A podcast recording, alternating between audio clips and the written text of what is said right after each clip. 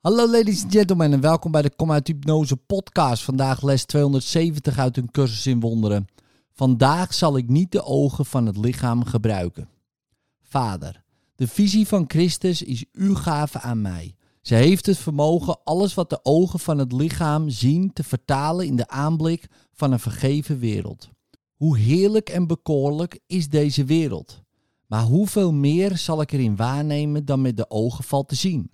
Een vergeven wereld betekent dat uw zoon zijn vader erkent, zijn dromen tot de waarheid laat brengen en vol verwachting uitziet naar het ene nog resterende moment in de tijd, die voorgoed eindigt wanneer de herinnering van u tot hem terugkeert. En nu is zijn wil één met de uwe. Zijn functie is nu slechts die van uzelf. En iedere gedachte behalve de uwe is verdwenen. De stilte van vandaag zal ons hart zegenen. En door middel daarvan zal er vrede komen over iedereen. Christus is vandaag onze ogen. En via zijn zicht bieden we de wereld genezing aan door middel van Hem. De Heilige Zoon die God heel geschapen heeft. De Heilige Zoon die God één geschapen heeft. In liefde, tot morgen.